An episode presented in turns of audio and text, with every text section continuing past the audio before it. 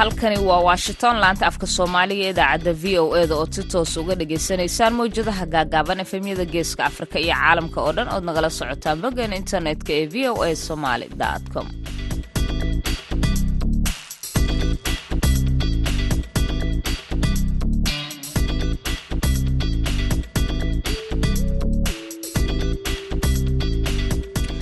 duhur wanaagsan dhegeystayaal dhammaantiinba waa maalin isniina sagaal iyo labaatanka bisha agoosto sanadka labada kun iyo labaiyo labaatanka. Afrikada bari saacaddu waxay tilmaamaysaa kowda iyo barkii duhurnimo. Waxaana idaacadda barnaamijka dhallinyarada maanta idinla socodsiin doonta anigoo ah sahra cabdi axmed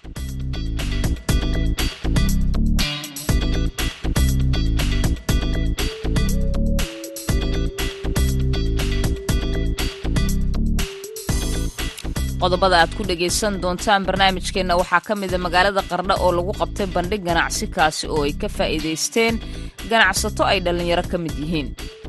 Dhallinyarada waxaan leeyahay waa u jeedaan dhallinyaro haldoor ah oo dhallinyaradeenii ah baa ganacsigan furtay ikhtiraca la yimi ka faa'iidaystay waxaad sidoo kale maqli doontaan dadka ku dhaqan xerada dhadhaab oo ka faa'iidaystay mashruuc biyogelin ah oo ay maalgelisay hay'ado gargaara. Kaalimihii heesaha ciyaarihii iyo qodobo kale ayaan ka marnayn meesha balse marka hore ku soo dhowaada warkii dunida oon idin akhriyo.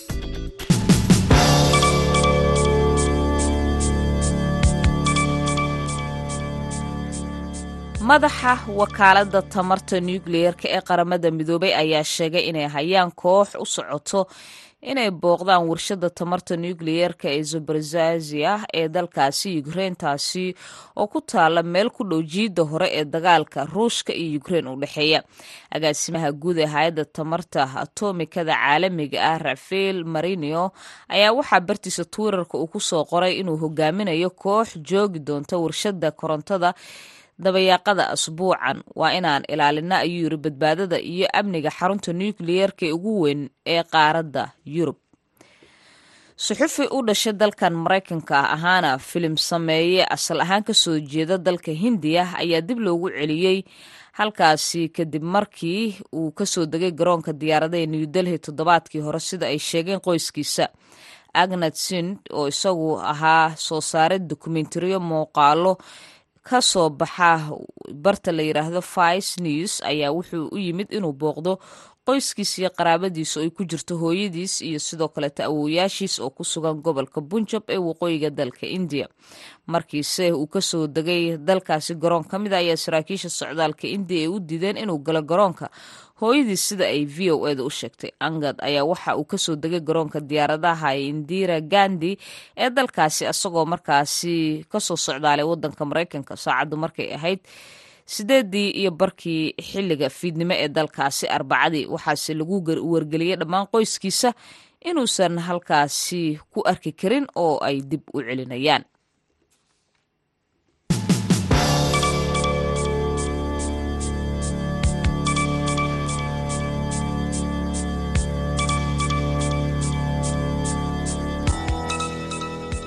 halka wararkaasi idinkaga imaanayaanna waa washington. Haddii aan ku bilaabo magaalada qardho ee gobolka bari waxaa lagu qabtay bandhig ganacsi oo ay ka soo qayb galeen qeybaha bulshada. Dhallinyarada ayaa waxay madashaasi ku soo bandhigeen hal abuur ganacsi oo ay kaga faa'iidaysteen dhallinyaro iyo dadka kaleeto ee bulshada qardho ku dhaqan. Wariyaha v o e da yuusuf maxamuud yuusuf ayaa warbixintan nooga soo diray halkaasi bandhig ganacsiyeedkan lagu qabtay magaalada qardho ayaa ahaa kii ugu horreeyey oo noociisa ah lagu qabto magaaladaasi. Waxaana ganacsigooda ku soo bandhigaya ganacsato u badnaa dhallinyaro kuwaasoo ku ganacsada gudaha magaalada. Waxayna ku soo bandhigayeen adeegyada iibiyaan iyadoona ay goobjoog ka ahaayeen mas'uuliyiin ka socday maamulka puntland oo dhiirigelin u sameeyey ganacsatada magaalada. Inta uu socday bandhigan ganacsi ayay dhallinyarada qaarkood goobta ku iibinayeen ganacsigooda si dhaqaale ka yar ay uga siiyaan dadka goobta joogay waxayna isugu jireen nooc walba oo ka mid ah kuwa lagu iibiyo suuqyada halka qaar kalena ay ku soo bandhigayeen goobtan allaabo laga sameeyey wax soo saarka dalka noocyadiisa kala duwan. Warsan cabdulaahi axmed oo ka mid a qabanqaabiyaasha bandhigan ganacsi ayaa ka hadashay ujeeddada loo qabtay bandhigan ganacsi. Ahmiyadda kale waxay ahayd in aan magaaladan aan tusino dadka u dhashay deegaankan ee qurbajoogta ah inay jiraan dad qurbajoog ah oo ganacsiyo ka abaabulay oo yacni ganacsiyo wanaagsan ku haysto. Iyagana waxay u noqonaysaa tusaale wanaagsan. Waxay noqon doontaa barnaamij tusaale u ah oo lagu dhiirado. Midda saddexaad ahmiyadda kalean ka lahayna waxay ahayd inaan ganacsiyada midayno awoodooda inay wada shaqeeyaan ganacsi weyn iyo ganacsi yarba. In aan barnaamijkan xoojinno oo aan yacni maadaama haddana lagu jiro xilli adag bulshada way u baahan tahay runtii in loo naxariisto. Waxyaaba ay jeclaan lahaayeen inay gataan oo markay dukaanka imaadaan qaali ku ahaa maanta inay fursad u helaan inay qiimo jaban ay ku helaan marka intaasoo ahmiyadood ayaa yacni runtii na tusisay marka dambena waxaan rajaynayaa inay ganacsatada kale nagu dayato si iskaa wax u qabsa ayaan barnaamijkan ku hirgelinay. Hay'ad ma jirto nafangaraysay cid ma jirto kira naga bixisay cid wax nagu siisa ma jirto. Waxaanoo dhan annagaa soo abaabulnay marka taasna waxaan rabnaa inaan tusaale u noqonno bulshadeenna inay iyaga wax qabsan karaan. Aysan u baahnayn hay'ad inay dabada naga riixdo ama in dariiqa nala tuso nala warhaye balkaaley waxaan idiin qabanaynaa. Laakiin annaga aan noqonno dad ayaga iskood wax u qabsan karaan caqligooda ku socdo waxna qabsan karaan. Awoodeennana aan aamino. Marka dhinaca kale mas'uuliyiin ka socday maamulka puntland ugu horreeyey wasiirka wasaaradda tamarta iyo macdanta puntland caarshe maxamed siciid gudoomiyaha gobolka karkaar cabdi siciid iyo duqa magaaladaasi. Cabdi siciid qaal ayaa dhammaan ganacsatada soo bandhigay ganacsigooda ku dhiirigeliyey in ay sii horumariyaan ganacsigooda. Dhallinyarada waxaan leeyahay waa u jeedaan dhallinyaro haldoor ah oo dhallinyaradeenii ah baa ganacsigan furtay ikhtiraca la yimi ka faa'iidaystay. Ganacsiga quruxda badan caawa magarata bandhigiisa. Aan joogno soo bandhigay. Marka dalku waa fursad badataa ka bannaan dalku shaquu leeyahay aragti ganacsi ha lala yimaado. Qof walbo maskaxda tuuji aragti ganacsi la imow. Ha koobin ganacsiga dariskaagae feker ganacsi oo cusub la imow. Inta badan waxaa caan ku nahay soomaalida haddaan nahay qofbaa feker ganacsi keenaya markuu dhaqdhaqaaq iyo quruxdiisa la arko dhinaciisa laga furayaa mid kii la mid ah. Marka maskaxda aan tuujinno oo ganacsi cusub oo halabuur aan keenno taasuna waxay daliil u tahay dalkeennu inuu leeyahay fursado ganacsi oo tiro badan. Marka maskaxda hala tuujiyo dhallinyarada taasaan leeyahay ganacsatada jeebka weyn waxaan leeyahay dhaqaalaha geystaan east africa iyo meelaha ka fogfog dalkiina ku maalgashta marka insha allah waa aad baan idin mahad celinaynaa wax badan oo meel kale loo aadi jiray. Baa insha allah keenteen waxaan rajaynaynaa xataa kuwa guryaha la dhigto oo dadka gaarka ah oo iibaan iyadana inaad keentaan haddii aan la yidhaahdo barnaamijka barnaamij loo baahnaa waddanku u baahan yahay. Waxyaalaha lagu soo bandhigay iyo adduunku ganacsigu waxay leeyihiin nidaamka noocaana. In markii dhowr bilood la joogaba ama sannadkii marba maaragta bandhigyo noocaana la sameeyo oo ama product kala duwan lagu soo bandhigo wax soo saarkooda ama maaragtay badeecadihii ee hayeen lagu soo wada bandhigo. Marka waxaan rajaynayaa inuu noqdo taxane joogto ah sanad walbe sanad walba xilligan oo kale la qabto. Marka in la joogteeyo baan rajaynayaa qaar ka mid a soo bandhigayaashii ganacsigooda oo isugu jira wiilal iyo gabdho ayaa soo bandhigay waxyaabahay ka ganacsadaan si looga iibsado. Magacayga waa ruun cali. Waxaan ka mid ahay ganacsatada maanta ka soo qayb gashay bandhiga ganacsiga ee ka dhacay magaalada qardho carwadeed waxaa la dhahaa carwa ruim waxaan ku soo bandhigayaa waxyaabaha cosmaticska ah sida barfuunada cadarada maykaabka dumarka sidoo kale giftiska hadiyadaha. Waxyaabahaasoo ayaan ku soo bandhigayaa. Runtii maanta farxad weyn bay noo tahay in barnaamijkeena saaka oo jimcaha uu nooga bilaabay magaalada qardho ilaa saaka ilaa hadeerna waxa weeyaan maasha allah dhalinyarada dhiirigelin baan ka haysanaa. Kaasaan ugu samaynay oon ugu gon leenahay inaan marka horeysa marketin aan ku samayno. Marka labaadna aan ka dhigno discounti alaabtii intaan siin jirnay boqolkiiba konton boqolkiiba afartan boqolkiiba soddon iyo shan aan qiimihii jebinay. Hadba si ganacsatadu ay ka dhigteen. Marka waxaan leeyahay soo dhawaada dhalinyaro barnaamijkan ha laga soo qayb gala ganacsiga hal abuurkana waa wax loo baahan yahay. Insha allah ganacsatada kalena waxaan rajaynaynaa inay barnaamijyadan ay ka qaban doonaan gobol karkaar insha allah meeshaan waa spacekeeni anagoo fadhinay halkaan waxaan ku haynaa cabitaanadii kala nooceed. Waxyaabaan ku dali jirnay cabitaanada vaniladii caramelkii passion fruitkii cabitaano kala nooc baan sameynaa halkaan. Waxaan ku haynaa chocolatadii aan ku sameyno milkshakyada aan isku shiidno caanihii iyo chocolatkii aan isku shiidno. Halkaan shaaxii baa noo yaalla halkaan waxaa la dhahaa cabitaan oo aashito laga sameeyo oo waxa weeye refreshing ah very refreshing ah mohita la dhahaa baraf iyo liin dhanaan iyo nacnac oo mint la dhaho english. Baa lagu sameeyey halkan waxaan haysanaa fahitooyinkii waa chicken shawarma oo kale haddii sida loo yaqaano. Halkan waa bergerkii baa noogu jira. Halkan waxaa aragteen ayodhintiisee bay u gashay baastadii. Soo madow maaha. Okay biyahan aan cabno oo waxa weeyaan biyahaasay ay u dhaqdo caloosheenna maadaama ay wasaqowday oo cunno baasta iyo bariis aan ka dharagnay calooshiina taagan tahay. Okay haddaba biyihii haddaa maxaa ka arataan? Ma dhaqayaan biyihii waxba. Balse biyuhu dhiiggay siyaadiyaan waxayna u fiican yihiin. Intuusa xanuunka jirka gelin inay jirkii wasaq isla marka ka qaada. Balse mar hadduu xanuunka jirka galo awood ooma yeelanaya inay calooshii ay dhaqaan. Okay weli waa sideedii. Wax isbedela ka artaa waxayna cunaysaa wax kasta oo jirkaaga ku jira. Hadduu sun yahay hadduu subag yahay hadduu caabuq yahay hadduu agfashin yahay hadduu dhagax yahay hadduu buro yahay haddii uu bahal yahay gooryaan dhammaan jirkaaga way ka saaraysaa oomana ogolaanaysa jirkaaga inuu ku jiro. Magacaygu waa ilyas tahir waa coach training ka socda xarunta jidhiska eastgate fitness ee magaalada qarno ku taalla. Xaruntaas oo discounti ballaaran oo qurux badan carwo bandhigeedka qarno magaalada qarno ka dhacayay taasoo aan rabno inaan ku soo bandhigno. Waxyaabaha bulshadeenna ay rabaan inay ka faa'iidaystaan. Qiimo dhimista ballaaran aan u samaynay. Diskoonkaasoo ka mida boqolkiiba labaatan aan samaynay. Waxaan rajeynaynaa inay ka soo qayb galaan bulshadeena ka faa'iidaystaan. Xaruntaas oo ka kooban laba qaybood labada qaybood oo kale ah qayb dumar iyo qayb rag. Taasoo aan rabno qofka inuu miisaankiisa iyo jirkiisa life stylkiisa oo labadaba maaragtay ku qorxin karo taasoo talooyin iyo jidhis iyo jimicsiin fiican iyo qalab casriga meesha u yaallo. Bandhigan ganacsi ee loogu magacdaray bandhiga ganacsiga qardho ayaa noqonaya in markii ugu horreysay ganacsatadu ay ku soo bandhigaan ganacsigooda gaar ahaan dhallinyarada curisay fikradaha ganacsi si ay u xoojiyaan.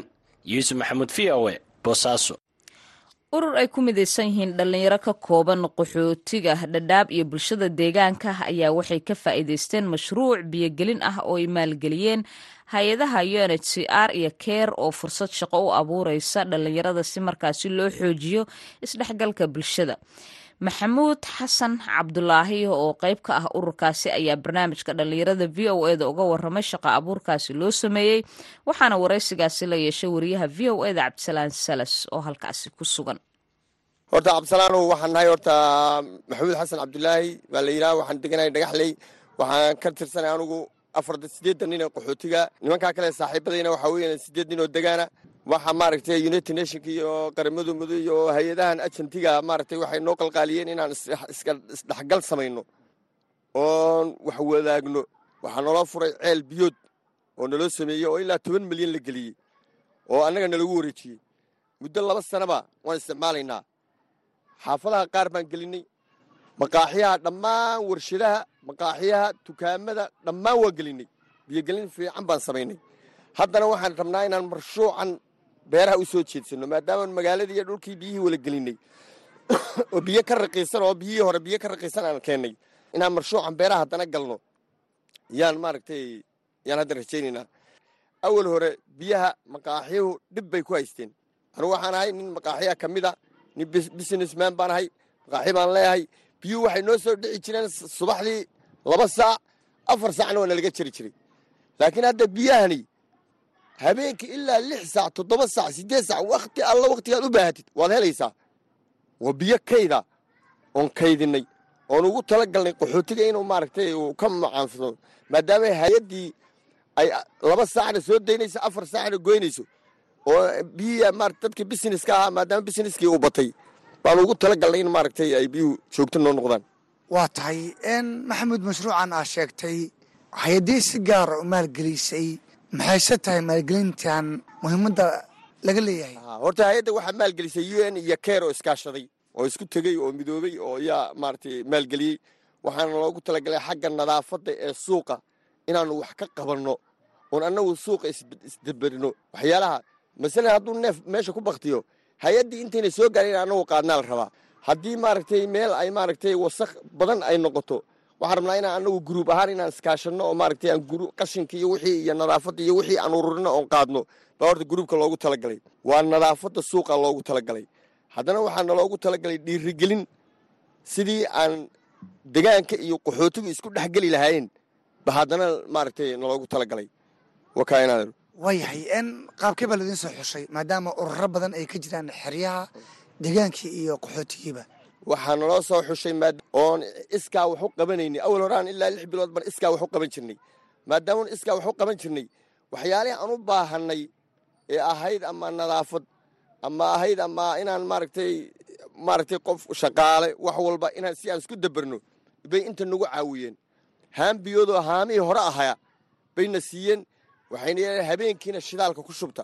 Habeenkii markuu qaxootigu motoorka shita maadaama maalintii soolar laga dhigay motooradii ayna shaqaynayn habeenkii shita haanta habeenkii buuxsada maalintii markaa suuqa yaah suuqa ka iibsada. Sidaa iyo nadaafadiinnii iyo wixiinnii iyo ishkaashigiinnii isku celceliya wakaa waa yahay waa mashruuc ballaaran oo marka dhinac loo fiirina dhaqaale abuur wanaagsan idin ah. In bulsho intee leeg ayaa ka faa'iidaysatay in badan baa ka faa'idaystay wax badan maalintii waxaa jooga shan nin baa jooga iyo laba dumara oo dhulka xaaqa habeenkii saddex waardiay leedahay. Waxa weeyaan korna waxaa ka maamula ilaa toddoba nin baa ilaa labaatan qof ayaa maaragtay masaariif ka raadsada waxaas leeya oo qaxootiga wakaa aad bay manaafac u leedahay. Waa tahay. Markaan dhinaca kale ka eegno in isdhexgalka deegaanka iyo qaxootiga arrintan maxay faa'iido u leedahay? Maadaama aad tihiin dabcan lix iyo toban qof oo ka kooban labada dhinac. Waxay faa'iido u tahay. Waaman is aaminayba hadda lacagtii waxaan ku ridanaa maaragtay ecoto banki waan ku ridanaa lacagtii war hebelow soo qaad baa layidhaha war hebelow lacagta xaree baa layidhaha waaman is aaminayba shirkad kaloo aryana waan samaynay oo ayaantii dhoweyda hadda maaragtay ahayd ciidda waan iibinay. Haddana waxaan rabnaa hadduu ilaa yidhaha inaan ari kale duurka geyno oo maaragtay aan qaar raacinno waaman is aaminayba isdhexgal fiican baan samaynayba wakaa waa tahay. Waqti dheer halkan ku noosha maxamuudow waxaana tahay shaksi dabcan arrimahan aada ugu ugu wacan dhaqdhaqaaqooda. In fursadahan in la ballaariyo baahideeda xeryaha ma ka jirtaa way ka jirtaa aad iyo aad bay uga jirtaa waxa weeyaan mataqaanaa dee niyo waxaa la yidhi geed kaa qariyey geeri u dhow baa la yidhi. Waxay la anoo soddon iyo laba sanaa meesha joognaa. Dalkii aan ka nimidna dee in badan baan ka soo joognay waxaan rabnaa inaan dhulkan la qabsanno. Dhulka waa dalkayagii wixii markii hadhow ilaahay nabadgelyo keenana waxaan rabnaa inaan maaragtay si fiican dhulka u degno oday aan ka noqonno. Waa tahay arrintan beeraha waxaa arkayaa geedmireedo idiin baxayo liintii basbaaskii iyo geedo kaloo haatan aa beerteen. Niyo arrintan waa aad u wanaagsan. Waxaa weeyaan horta magaalaba maalin baa la degaa. Magaalaba maalin baa la degaa. Waxaan u malaynayaa magaaladii maalintan dabne maalin khayr qabtayna ahayde dee wataa liintii waan cunnay saytuunkii waan cunnay. Waa kan maaragtay mooskii waa kan. Marka wax walba uu noo baxay. Waa ilaah alxamdigii haddana waxaan rabnaa inaan ka sii weynin oo marshuuc weyn inaan ceel qodanaan rabnaaba. Oo lagtaa lagdheere la yidhaah inaan dhinac ka galnaan rabnaa. Wakaa ugu dambayntii fariinta aad jeedinaysa maxay tahay? Waxaan jeedinayaa dadka dhallinyarada yaryar ee tahriibka iyo waxaa hadal haysa inay iska dayso inay wax barato. Waxaan ogahay dhallinyaradii meesha wax ku bartay ee xeryaha qaxootiga ku bartay soomaaliya iyagaa madax kaa wasiirray ka noqdeen. Hay'adahan iyagaa u wada shaqeeya qaar baa madaxa. Somali garan waxaan jeclahay oon ku baraarujinayaa in horta iskuulka iskuullada la aado iskuullada markii la aado in wax la barto in dhulka khayraadka uu leeyahay la ogaado naftana loo sheego. Haddaad maraykan ku nooshaa iyo haddaad maaragtay soomaaliya ku nooshaba inay shaqo una ku segeyso oo waddanka laga shaqaystaan rabaa. Wakaa deegaanka iyo qaxootigana waxaan leeyahay dee dad walaala oo walaalaa tihiin somali garan dee waxaan rabaa inaad si fiican laysku dhexgalo walaala noqodaan rabaa. Intaasaan iyagana leeyahay. Maxamuud xasan cabdulaahi oo uradaasi qayb ka mida barnaamijkaasi biyogelinta ah ka hirgeliyay dhadhaaba u warramaya wariyaha v o eda cabdisalaan salas.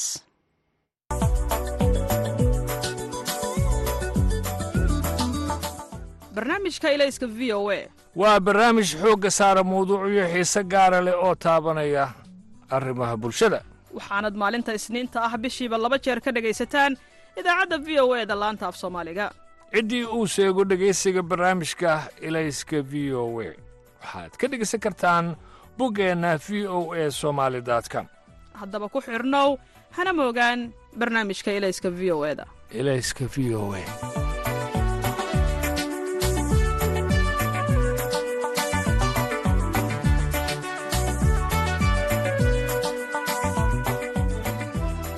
markanna waxa aad ku soo dhowaataan xubintii ciyaaraha iyo cabdulqaadir maxamed mursal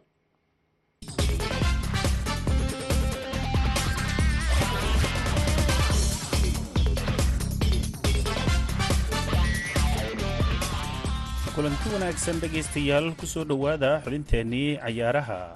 Aan ku bilownay dhegaystayaal kulamo ka tirsan qaar ka mida horyaalada waaweyn ee kooxaha kubadda cagta ee qaaradda yurub ayaa habeenkii xalay ahaa la ciyaaray. Haddii aan ku horreynay dalka ingiriiska kooxda tottenham ee kubadda cagta ayaa habeenkii xalay ahaa labii eber ku garaacday kooxda nottingham forest oo garoonkooda ay ku booqdeen labada gool ee kooxda tottenham ay kaga badiyeen. Kooxda dhowaangalka ku ah horyaalka premier leaga ee nottingham forest ayaa waxaa u dhaliyey weeryahankooda harry kane taas oo kooxda tottenham ka caawisay inay galaan kaalinta saddexaad ee kala horeynta horyaalka premier leaga oo toban dhibic ay ku galeen horyaalka premier leaga ayaa waxaa labaiyo toban dhibic ku hogaaminaysa kooxda arsenal oo badisay dhammaan afartii kulan ay soo ciyaartay. Waxaa ku xigta kooxda manchester city oo iyadana toban dhibic haysata oo hal kulan barbara gashay farqiga goolashana ugu jirta kaalinta labaad waxaana isku dhibco yihiin kooxda tottenham. Wolfis iyo newcastle oo wada ciyaarena hal iyo hal ay ku kala baxeen halka kooxda westerham ay gool iyo waxba uga badisay kooxda astanvilla dhinaca ay dalka sbeinna kulamo ka tirsan horyaalka laliiga ee kubadda cagta ayaa xalay la ciyaaray iyadoo kooxda real madrid ay saddex iyo hal uga badisay kooxda sbanyol laba ka mid a saddexda gool ee kooxda real madrid ay ku garaacday kooxda sbanyol ayaa waxaa u dhaliyey weeryahankooda krim benzima halka goolka kale uu dhaliyey funicius junior. Kooxda barcelonana waxay afar iyo eber uga badisay kooxda villadolid laba gool oo ka mid ah afarta gool ayaa waxaa u dhaliyey ciyaaryahankooda lewandowski. Halka labada gool ee kale ay kala dhaliyeen betri iyo sergio roberto. Getaf iyo villareal oo wada ciyaarena eber iyo eber ay ku kala baxeen. Laba kulan oo ka tirsan horyaalka laliiga ee dalka sbain ayaa caawa la ciyaarayaa kooxda valencia ayaa martigelinaysa atletico madrid halka cadis ay la ciyaari doonto kooxda atletico club horyaalka talyaaniga ee kubadda cagtana xalay kulamadiisii saddexaad ayaa la ciyaaray. Kooxaha fiorentina iyo napoli oo wada ciyaaray ayaa eber iyo eber ku kala baxay. Atlantana waxa ay gool iyo waxba uga badisay kooxda verona oo ay u martiyeen. Lecha iyo empoli oo wada ciyaarana hal iyo hal ayay ku kala baxeen kooxda napoli ayaa xalay barbaryihii ay la galeen kooxda fiorentina. Waxa uu ka caawiyey inay farqiga goolasha ku galaan kaalinta koowaad ee horyaalka sereaga iyagoo haysta toddoba dhibic waxaana isku dhibco yihiin oo farqiga goolasha kaalinta labaad ku gashay kooxda ac milan oo ah tan difaacanaysa horyaalka sereaga kadib markii ay ku soo guulaysteen xil ciyaareedkii la soo dhaafay dhinaca iyo suuqa kala iibsiga ciyaartoyda kooxaha kubadda cagta ee qaaradda yurub oo lagu wado in khamiista soo socda uu xirmana wararka ugu waaweyn ee ka soo baxaya waxa ay sheegayaan in kooxda manchester united la filayo in afar labaatankii saac ee soo socda ay ku dhawaaqdo inay la wareegtay anthony oo weerarka uga ciyaara kooxda ay kees manchester united ayaa dhowr dalab oo xiddigan ay ka gudbiyeen. Waxaa hore u soo diiday kooxda ayakis oo markii dambe ka dalbatay boqol milyan oo geni taas oo manchester united la sheegay in kooxda ayakis ay kula heshiiyeen. Antony ayaa isaga hore u sheegay inuu doonayo inuu dib ula midoobo tababarihiisii hore ee tanxaaq kaas oo inta uu ka tegay ayakis sanadkan leylinaya kooxda manchester united oo waayadan uu xaalka ka xumaa antony ayaa waxa uu ka mid yahay xidigaha ugu muhiimsan ee kooxda ayakis taas oo bishii la soo dhaafay daafaceedii ugu muhiimsanaa ka iibisay kooxda manchester united. Wararkeennii cayaarahana waa naga intaa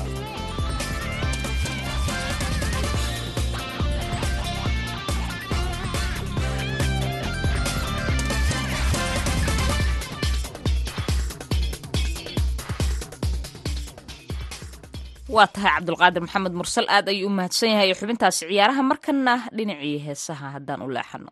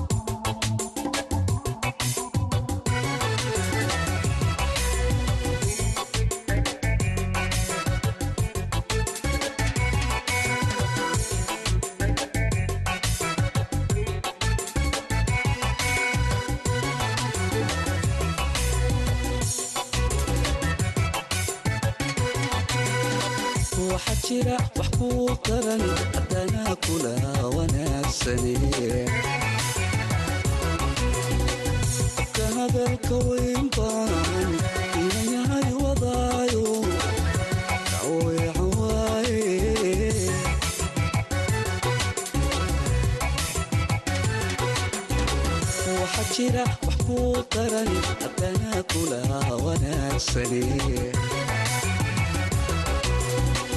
afka hadalka weyn baan inayahay wadaayo daweecan waaye